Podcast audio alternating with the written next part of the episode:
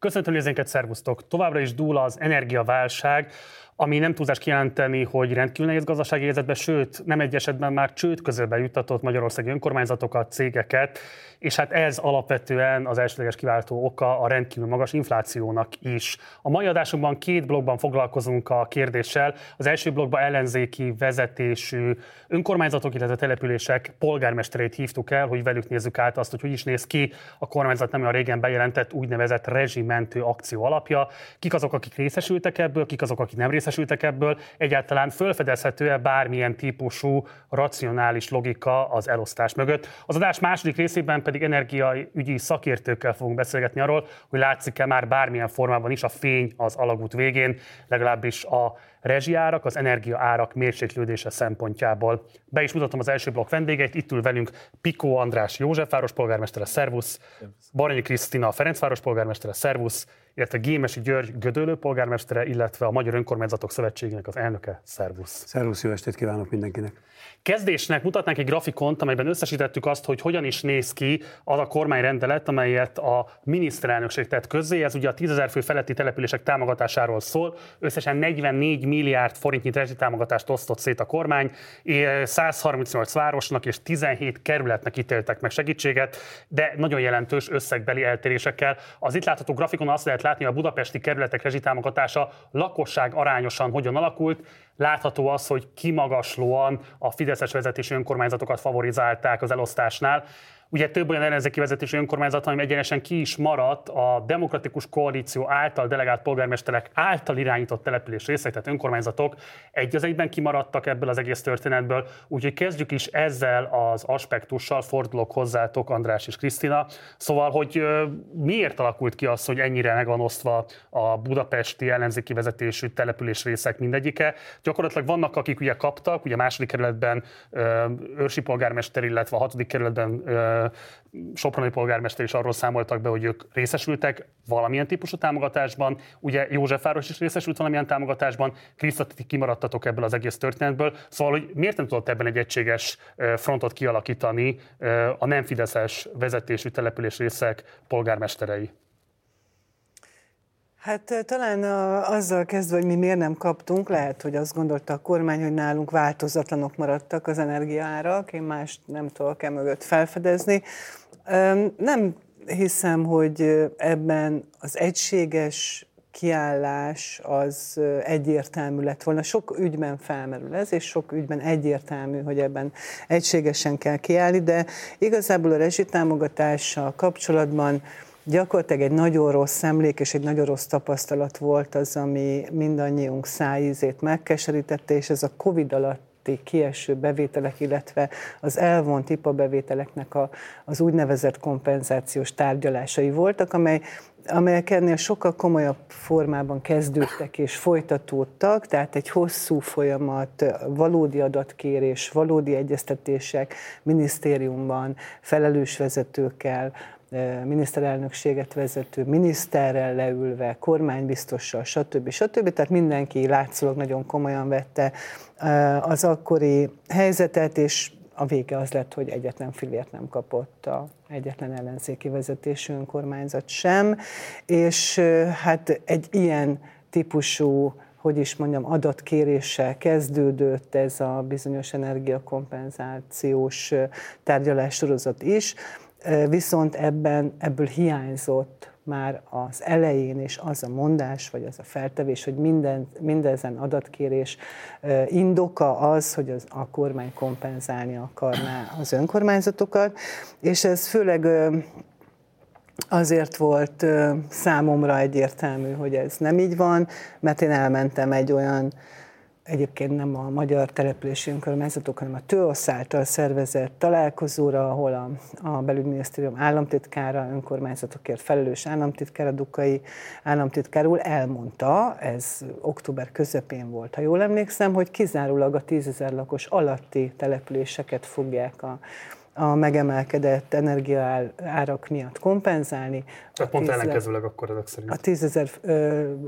fő feletti településeket pedig nem. Jó, András, hozzád fordulok, és közben megkérem a kollégámat, hogy hozzuk vissza egy pillanatra azt a grafikont, amit az előbb mutattunk, ugyanis ugye azért ebből nem csak az rajzolódik ki, hogy itt alapvetően a politikai orientáltság meghatározó szerepet játszott abban, hogy ki az, aki kap támogatást, hanem hogy gyakorlatilag ezen kívül nem is nagyon látszik más racionális szervező elv, tehát sem a adott kerületben élő lakosoknak a száma, ugye lehetett hallani azt Láng Zsolt kormánybiztos jelezte azt, hogy valamilyen módon az adóerőképességet is vizsgálták ebben az egész elosztásban, tehát ezt sem nagyon lehet rávetíteni igazából erre, ezekre a számokra. Egyébként mi magunk hívtuk Láng Zsoltot, hogy jöjjön ide a stúdióba, és tudjunk beszélgetni ezekről a kérdésekről. Egyéb elfoglaltságokra hivatkozva nem fogadta el a meghívásunkat. Szóval András, ti kaptatok támogatást, ha jól 470 millió, 69 millió forintot.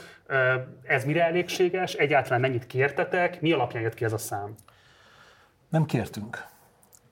És egy kicsit visszautalnék arra, amit kérdeztél, hogy miért nem volt itt egységes fellépés. Minden autokrata rendszernek az a, az egyik, hogy mondjam, stílusegye, hogy tervezetten kiszámíthatatlan. Magyarán nem lehet tudni, hogy mi az etikus, mi a hasznos, mi a, mi a későbbiek szempontjából értelmes megoldás. A Krista álláspontja szerintem abszolút legitim, nekem is ugyanezek voltak a tapasztalataim, és egy normális országban nem is támogatásról beszélünk. Egy normális országban rezsiválság vagy bármilyen válság esetén a központi kormányzat és a helyhatóságok közös válságkezelésének a része az, hogy a kormányzat juttat forrásokat a válságkezelés részében az önkormányzatoknak. Nem támogatásról beszélünk. Ezen egy valami látszik, hogy pofára osztogattak. Semmi más.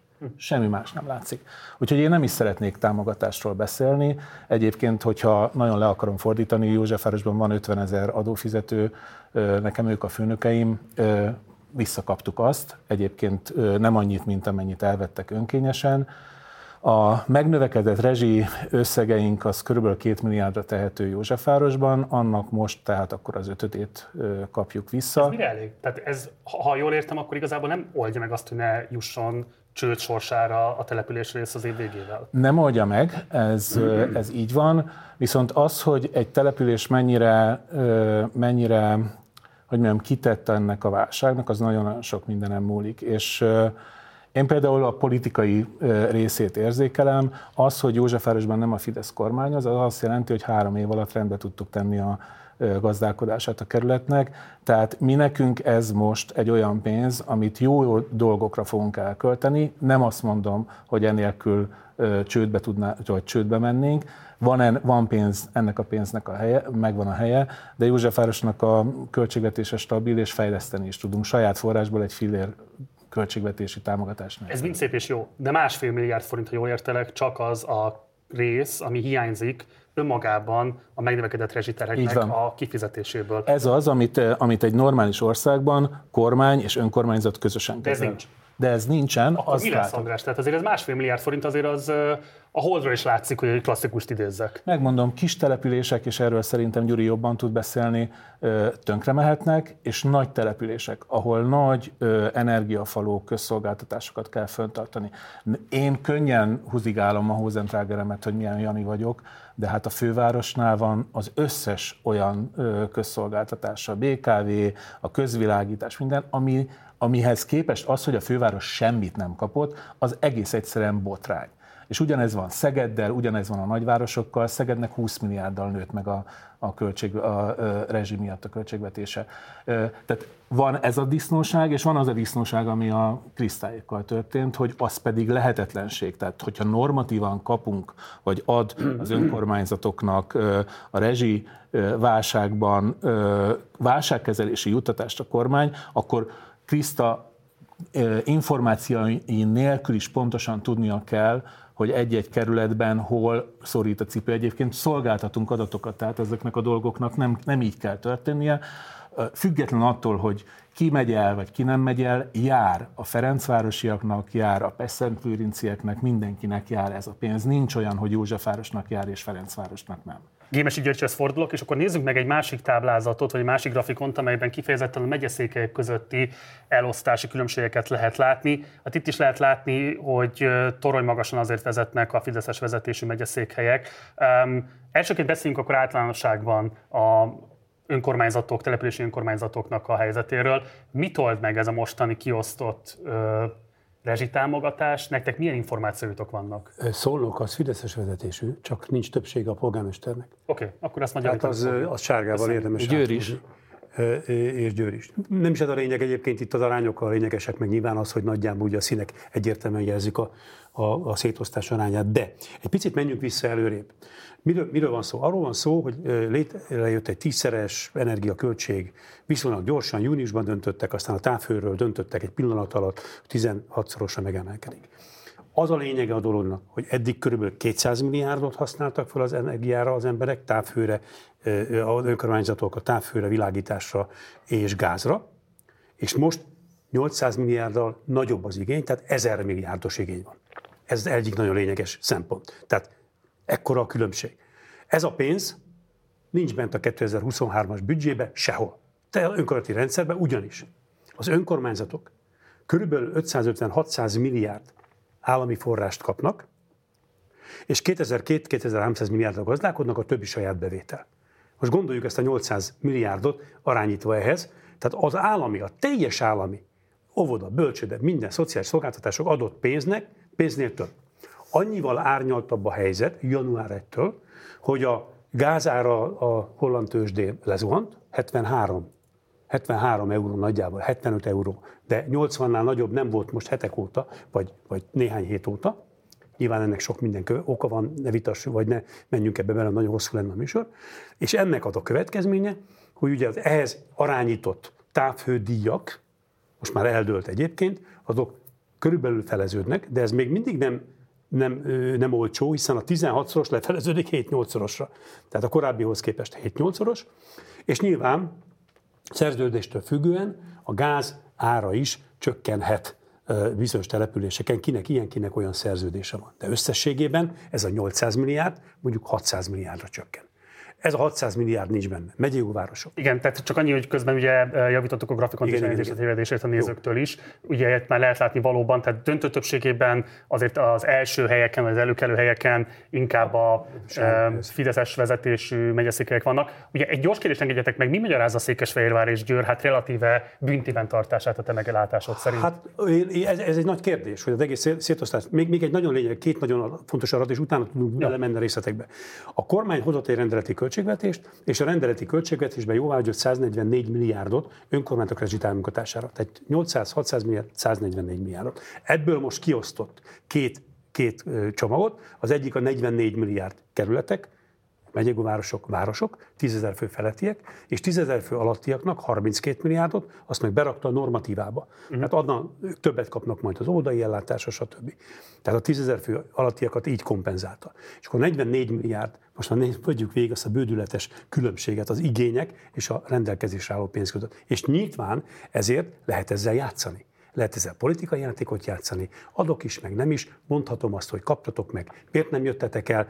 Az Európai Uniós tárgyalások jelenlegi formájában, jelenlegi stádiumban nem tehette meg a kormány, hogy csak fideszesek van.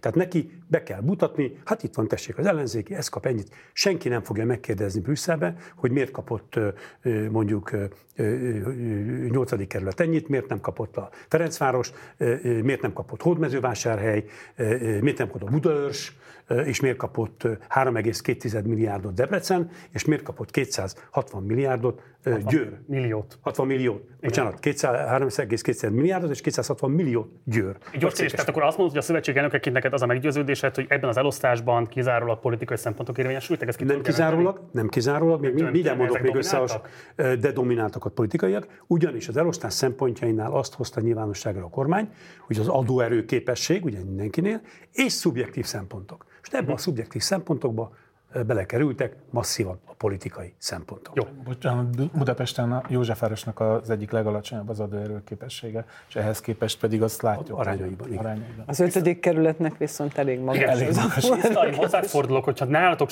nincsen semmilyen kompenzálás, ez gyakorlatilag mit jelent? Tehát mekkora költségnövekedésetek van kifejezetten az elszálló energiárak miatt, amit most kompenzálnotok kell, és ez egyébként mindennyiatokhoz szól, tehát mit fogtok lekapcsolni? Mert hogy ez egy olyan kérdés, amit azért itt lebeg a kér, itt a térben, és már jó ideje próbálok más polgármesterekből is válaszokat kicsikarni, mindenki próbálja ezt eltolni magát, hogy ne jussunk el odáig, de hát előbb most már el fogtok jutni odáig, van-e erre bármilyen tervetek?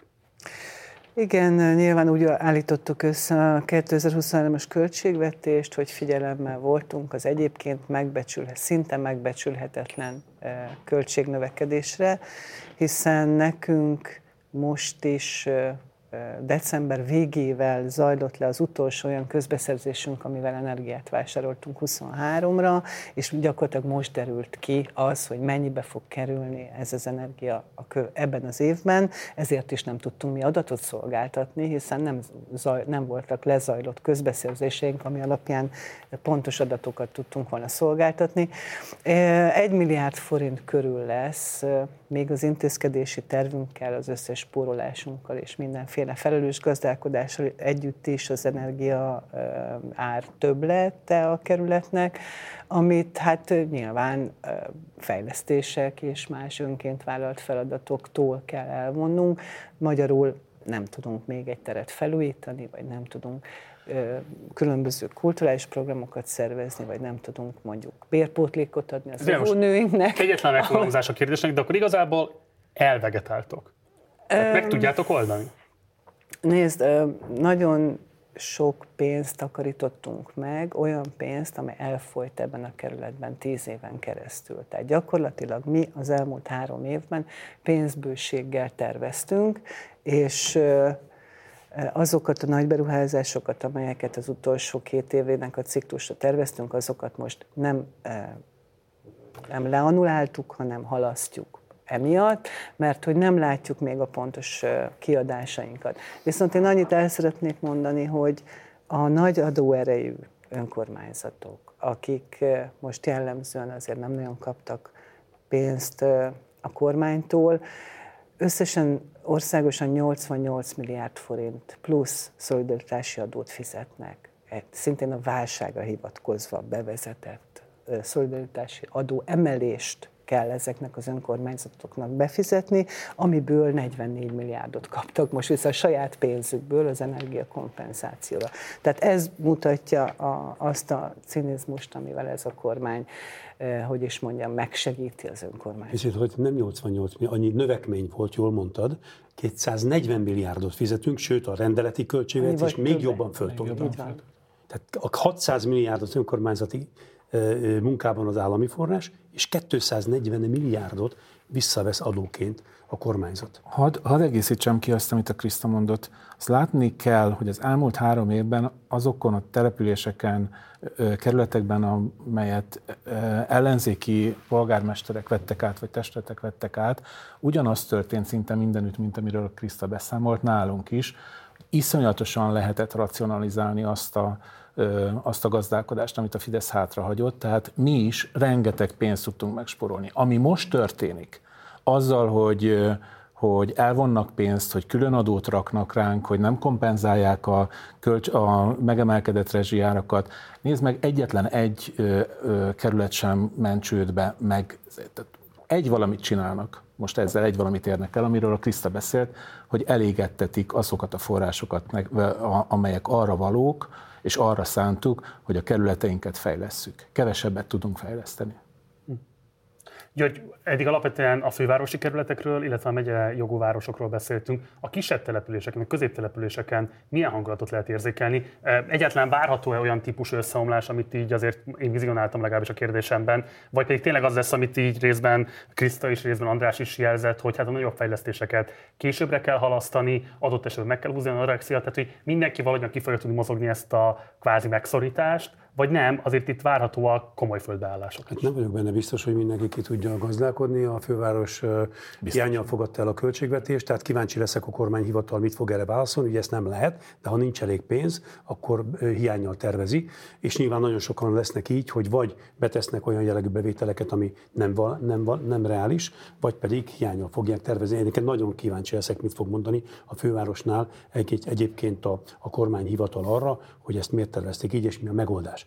Ez egyik dolog. Kettő, tízezer fő alatti településeknél, vagy a kicsi településeknél, ha vegyük falvakra, vidéknél, nincs különösebb gond, mert nem szolgáltatnak. Nekik van egy művelési központjuk, most bezárták térre, nem lesz műsor, gyakorlatilag a közvilágítás, ami probléma, az pedig a normatíván keresztül ki fogja nekik kompenzálni gyakorlatilag a kormányzat. A kisvárosokkal és a nagyvárosokkal, kerületekkel probléma, ahol egyébként szolgáltatás van. Egészségügyi ellátás, szociális szolgáltatás, térségi feladatoknak az ellátása, közlekedés, és sorolhatnám tovább. Itt vannak az óriási problémák, aminek még én azt gondolom, senki nem látja igazán a következményét, hiszen nem csak erről van szó, 20%-os, 15% inflációt mond 20%, még akkor is nagyon jó indulatú vagyok, 50%-os élelmiszerelemelés, közétkeztetési kérdések, és nyilván ott van a 15%-os minimálbér által kiváltott bérspirál, mert ha nem tudunk emelni az embereknek, és érzékelhető az infláció az élelmiszerelemésen keresztül, és sorolhatnám tovább, akkor vagy elmennek, és lecserélődik az a szakmai apparátus, ha nem tudunk utána menni bérrel, amelyik szakmai apparátus ellátja a feladatokat. Elképesztő probléma van már az óvónők területén, nincsenek. Itt a fővárosban nem tudom, de már Gödöllőn, Budapest környezetében is elkép, nyugdíjasokat kell visszaírni, nincsen szakember.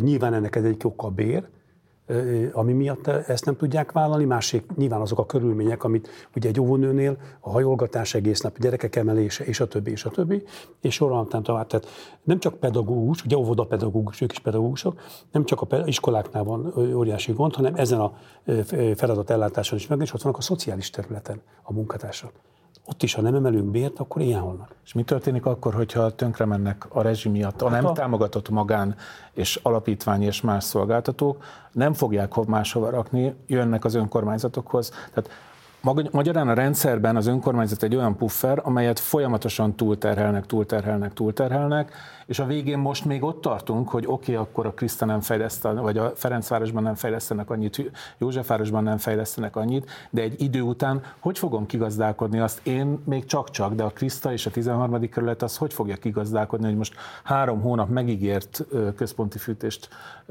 támogatás, az, az egyszerűen elment, mert ők, mert ők másképp gondolták. Még egy nagyon lényeges dolog. Már probléma van a kötelező feladat ellátásával. Így van. Hát múzeumok zárnak be, Nálunk a könyvtár nyitvatartás korlátozott, a művészetek háza zárt be, tehát ezek kötelező feladatok.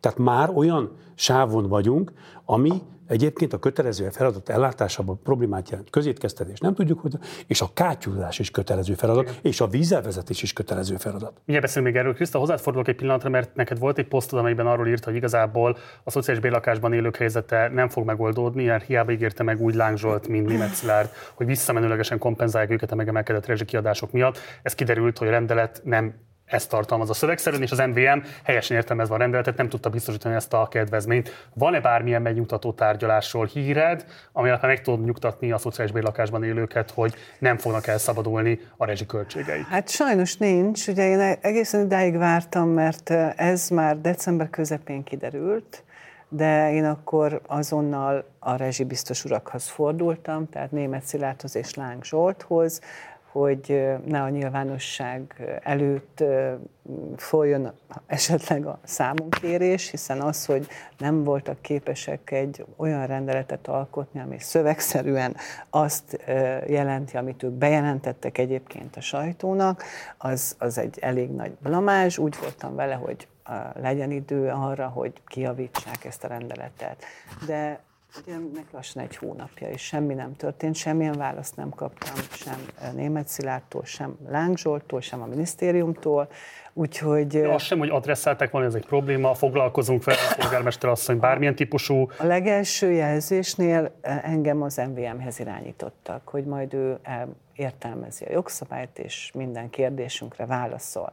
Akkor az MVM-nek írtunk, és az MVM megírta, hogy ez nem tartalmaz visszamenő hatályt, tehát ők piaci árat fognak számlázni ezeknek a szociális bérlakásban élőknek augusztustól decemberig, mert egyébként a jogszabály megjelenésétől, januártól már a rezsicsökkentett árat fogják számlázni.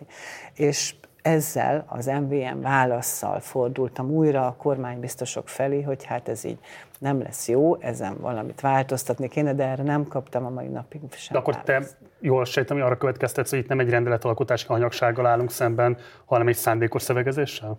Hát ez egy nagyon kemény feltételezés, tehát hogyha olyan módon különböztetnek meg állampolgárokat, ahogy mondjuk így a, az önkormányzatokat is, egy teljesen egyértelmű kérdésben, akkor már régen rossz, én inkább hibára gyanakszom, nem is az elsőre, ugye ez már a második, hiszen eleve úgy állt elő ez a helyzet, hogy rosszul volt megszövegezve az eredeti kormányrendelet, de tényleg az, hogy 10 ezer forintos, átlagosan 10 ezer forintos fűtésszámlák vannak ezekben a lakásokban, most 70-80 ezer forint egy átlagos ilyen lakásnak a fűtése, hogy mi most ezt kiszámlázzuk ezeknek a, a, az embereknek, az, az teljesen elképzelhetetlen, úgyhogy várunk, várunk, hát egyszer így is nagyon sokat kell majd nekik kifizetni, de nagyon remélem, hogy nem piaci árat, hanem a, a rezsicsökkentett árat. Térjünk át a szolidaritási adó kérdésre, mert te is felvetetted, hogy itt mekkora növekmény van. Ugye 23-ra a pénzügyminiszter által benyújtott tervezet, az 217 milliárdos bevételre számít, ez 90 milliárddal több mint hogy 2022-ben vártak tőletek. Ezt pedig ugye alapvetően a kivéreztetett önkormányzatoknak kell kigazdálkodni majd valamilyen formában. Szóval meddig beszéltünk egyáltalán önkormányzatiságról az országban, azt figyelembe véve, hogy folyamatosak a forráselvonások, egyre több a forráselvonás, a kötelező feladat ellátásnak a mennyisége nem csökken, emellett itt van most már ugye ez az energiaválság is, tehát hogy egyszerűen úgy tűnik, mintha olyan erők összhatásában kellene az önkormányzatoknak helytállniuk, amikor nagyon megalapozottan felvethető a kérdés, hogy lehetséges egyáltalán még a törvény által előírt feltételeket teljesítenetek, vagy sem? A törvény által előírt feltételeket sem tudjuk teljesíteni.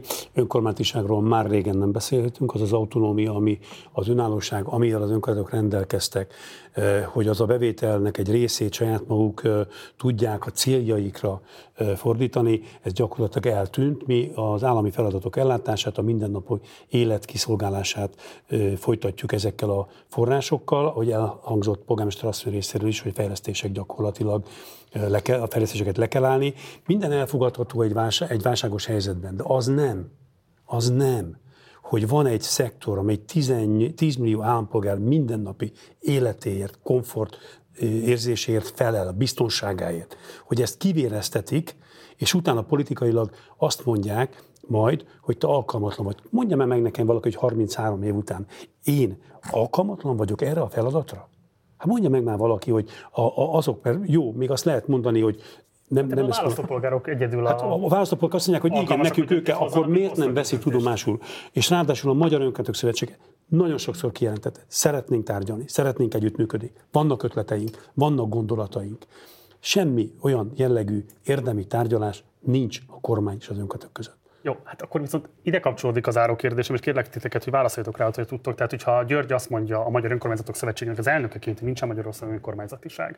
Ha azt lehet látni, hogy olyan típusú hiányt kell kigazdálkodnotok, ami hát alaposan visszaveti nem csak a fejlesztési, hanem az üzemeltetési lehetőségéteket is, akkor milyen típusú nyomásgyakorlásban tudtok gondolkodni? Ez teremtette újfajta szolidaritást a helyhatóságok között, akár csak budapesti vonatkozásban, vagy akár országos vonatkozásban. Tehát mi kellene ahhoz, hogy itt valamilyen nagyon pregnáns konzekvens együttállás, föllépés megszülessen a kormányzattal szemben, amely láthatóan nem nagyon veszi figyelembe ezeket az elveket, amiket ti mondtok. Tehát lehet, hogy számotokra elfogadhatatlan, de láthatóan a kormányzat számára nem az, és nem most nem az, hanem most már hosszú évek, hanem évtized óta nem az. Oda térnék vissza, amit az elején mondtam, hogy fel kell ismerni, hogy, a, hogy egy autoritár rezsimben élünk, és az tervezetten kiszámíthatatlan.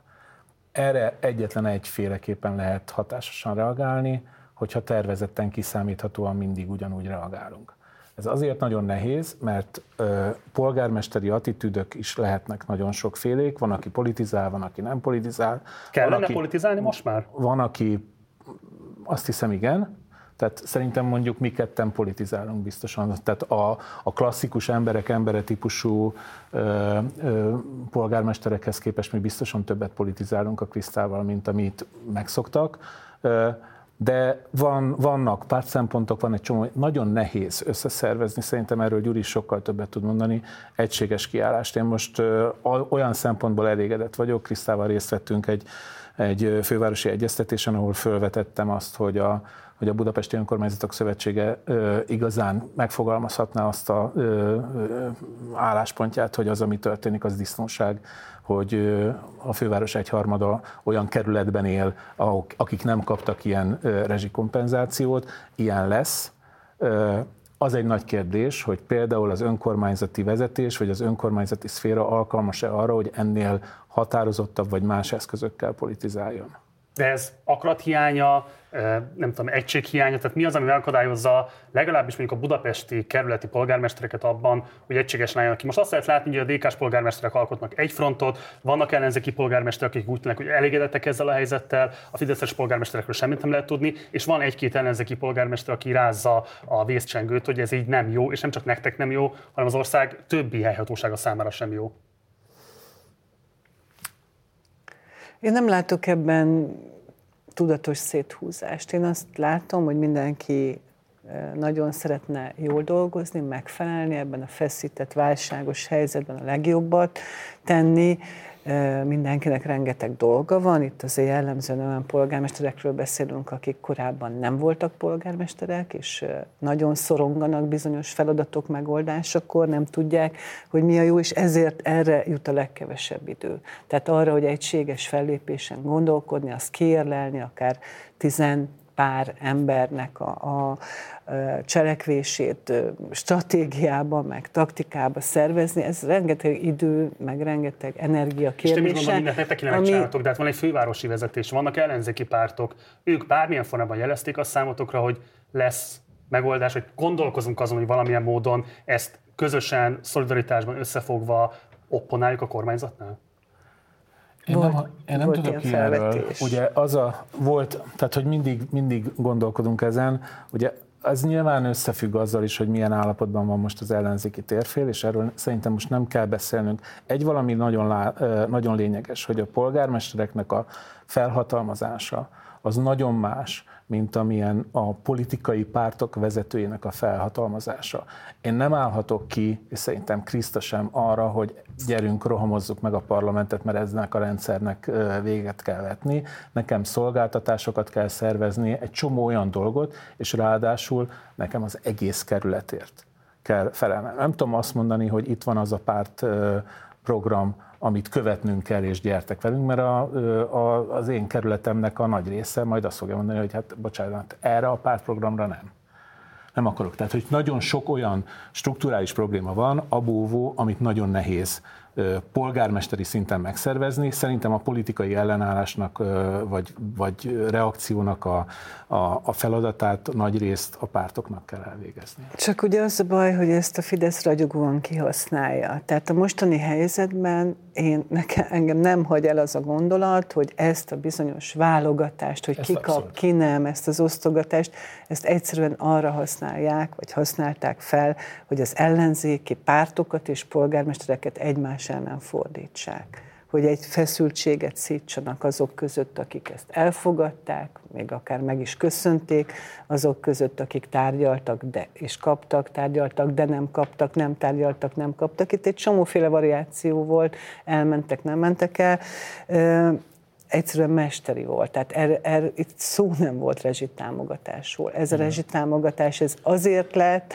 mert a tízezer fő fölötti fideszes önkormányzatok, akik egyébként nagyon sok helyen bezártak szolgáltatásokat, bezártak uszodákat, könyvtárakat. Igen. Mi ugye soha semmit Semmit. nem zártunk be, mindent működtettünk tovább a saját fejlesztési és más forrásaink terhére, de azok, ott, azok a fideszes önkormányzatok is elkezdték valószínűleg verni az asztalt, hogy mekkora kiesésük van az energiaárobbanás miatt. Látszott, hogy adni kell, ha pedig adni kell, akkor nyilvánvalóan nem lehet minden ellenzéki önkormányzatot kihagyni, de azért mégse kapjon már mindegyik, melyik nem ne kapjon. Azért érdekes megnézni, hogy kiknek a főváros, ugye, a legnagyobb. Ahova leginkább kell. Ahol egyrészt ahova leginkább kell, másrészt akinek a vezetője a legmagasabb közvetlenül választott ö, ö, politikai entitás ebben az országban, nem kapott Hódmezővásárhely, ahol ugye miniszterelnök jelölt volt, nem kaptunk mi, akiket annyira sose szerettek. Tehát lehet látni, hogy, hogy, hogy milyen mintázat alapján, mert hogy nem adóerő, meg, meg nem ilyen, Igen. hogy is mondjam, objektív szempontok játszottak szerepet. Épp ezért legfontosabb most egyetlen egy mondat, hogy most azt demonstrálni, hogy szolidárisak vagyunk egymással, és hogy nem lehet bennünket szemben állítani. Hogy lehet ez demonstrálni, György? Tehát milyen eszközök maradtak még az önkormányzatok kezében a megélhetési válság helyi enyhítésére? Hát a maradék pénzből tudunk ö, saját döntéseink alapján ö, prioritási rendszert ö, kialakítani és ö, támogatni azokat, akik a településeinken élnek. eszközeink a kormányzattal szemben gyakorlatilag a nullára redukálódtak. Én azért 33 éve viszem az érdekvédelmet ilyen alacsony szinten, gyakorlatilag nulla érdemi egyeztetés és tárgyalás nincs. Tárgyalás van, de érdemi egyeztetés nincs és egy új eszköz vetett be most a önkati szinten a kormányzati kommunikáció és intézkedési csomag, ez pedig az ellentét szítása ellenzék és önkormányzatok között is, is, de a fideszes önkötök között is, mert azért demonstrálta azt, hogy én adom a pénzt, mint kormány, és neked adok 3,2 milliárdot, neked most a 260-at. Hogy ez milyen alapon dőlt el, és miért nem Bőr kap 3,2 milliárdot, és miért nem Debrecen hat, hat kap mondjuk 260 milliót, az nyilván a Fideszen belül érdekérvényesítési rendszer alapján történik. Tehát most már nem csak arról van szó, hogy az önkötéri ellenzék kormányzat, ellenzék közötti ellentétszítása, hanem a fideszeseken belüli ellentétszítása is, és ezekkel nagyon, ezekkel nagyon, nehéz, nagyon nehéz védekezni és kitalálni bármilyen eszközt, el kell látni a feladatunkat, ha oda sodornak minket a cső célére állunk, akkor azt mondjuk, hogy mindent megtettünk, de hát sajnos a helyzet az, hogy ez a helyzet nem mi miattunk alakult ki, mert egyébként mert egyébként tényleg nem mi miattunk alakult ki a helyzet, és lehet fogni háborús vizére, inflációra, meg ilyen csődre, meg Brüsszelbe, meg nem tudom mire, Nyilván elemzők már világosan elmondták, hogy mi az oka a mai helyzetnek, de ettől még annak a 10 millió embernek élni kell a településeken, és szolgáltatásokat kell biztosítani, a gyerekeknek óvodát, iskolát, bölcsödét, a rászorultaknak szociális szolgáltatásot, egészségügyi ellátást, és nyilván azokat a feltételeket, amiket megszoktak. Ez már nagyon keményen sérült az elmúlt időszakban, és feltehetően, ha jól érzékelem és jól látom, még jobban fog sérülni a következő időszakban. Gémesi György Bajnyi Krisztina Pikó András, köszönöm szépen, hogy mindezt elmondtátok a nézőinknek. Figyelemmel követjük majd az energiaválság alakulását, és várunk vissza benneteket a stúdióban, hogyha lesz bármilyen olyan fejleményről be tudtak számolni. Szervusztok! Köszönjük, Köszönjük. Köszönjük szépen! Timi, maradjatok velünk, mert következik az adás második fele, amelyben Szabó John és Felsman Balázs érkeznek majd hozzánk, és velük alapvetően az energiaválság tágabb összefüggését fogjuk majd átnézni. Előtte azonban nézzük meg egy rövid összeállítást arról, hogy hogyan is zajlik az elmúlt két évben ez az egész energiaválság együttes.